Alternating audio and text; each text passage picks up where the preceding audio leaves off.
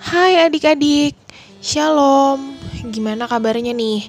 Kasena berharap kalian semua dalam keadaan baik ya.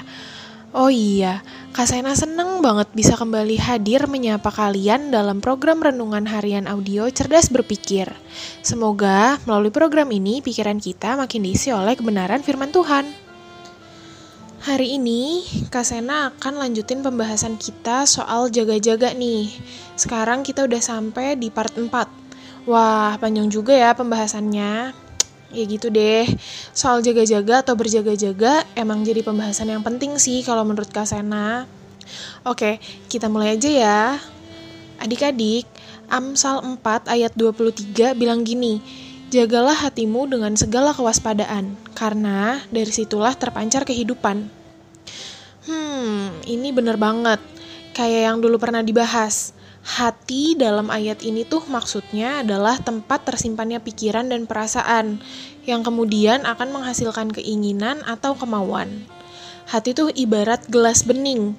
Kalau diisi air teh, warna warna gelasnya jadi kayak warna teh. Aroma gelasnya juga kan. Nah, kalau gelasnya diisi air kopi, warna gelasnya jadi kayak warna kopi, dan aroma gelasnya juga.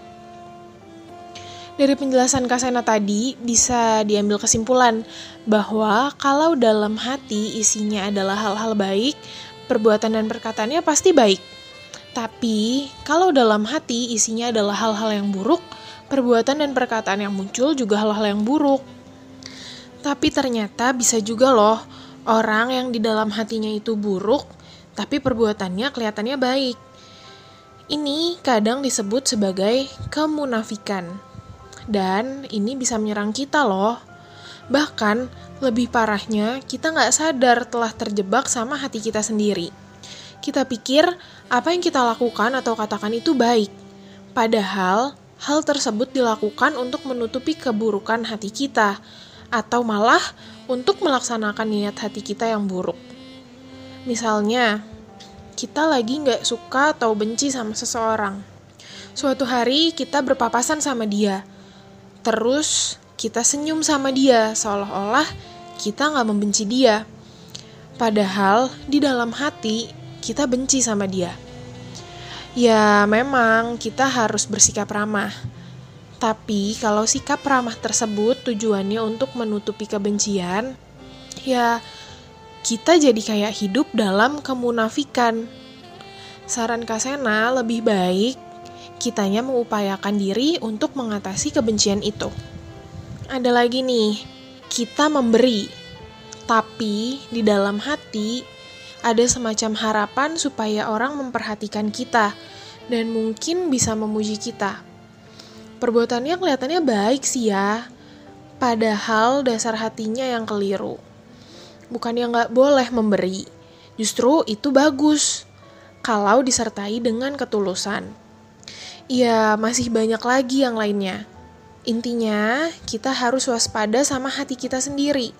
Jangan sampai kita mengiranya sudah melakukan hal yang baik, padahal di dalam hati kita isinya keburukan.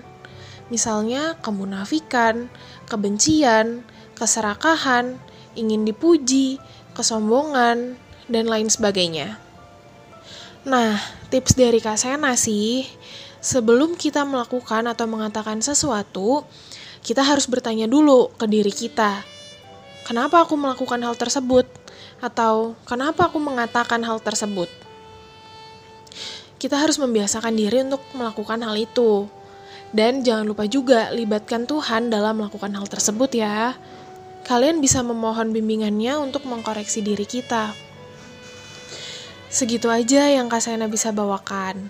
Kak Sena gak bermaksud menggurui kalian. Kak Sena cuma mau sharing aja. Kita semua masih sama-sama belajar kok. Berdoa yuk! Tuhan, terima kasih buat renungan yang sudah kami dengarkan pada hari ini. Kami sungguh mengucap syukur kalau pada hari ini kami boleh kembali membahas tentang berjaga-jaga. Tuhan, seperti firman yang telah Engkau katakan, jagalah hatimu dengan segala kewaspadaan karena dari situlah terpancar kehidupan. Kami mau Tuhan bantu kami untuk kami boleh menjaga hati kami. Biarlah segala sesuatu yang berada dalam hati kami itu semua berisi hal-hal yang baik Tuhan, bukan hal-hal yang buruk.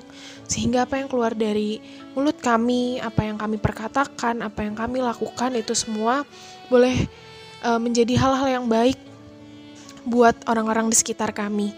Biarlah segala sesuatu yang kami katakan, segala sesuatu yang kami lakukan, itu semua boleh menjadi berkat buat orang-orang di sekitar kami. Terima kasih Tuhan, terima kasih kami mohon uh, bimbinganmu dalam hidup kami Bapak. Biarlah semakin hari kami boleh semakin menyenangkan hatimu. Terima kasih Tuhan, terima kasih inilah doa yang jauh daripada sempurna. Di dalam nama Tuhan Yesus kami berdoa dan mengucap syukur. Haleluya. Amin. Oke, tetap sehat, tetap semangat, dan tetap jadi berkat. Jangan lupa bahagia ya. Tuhan Yesus memberkati. Dadah.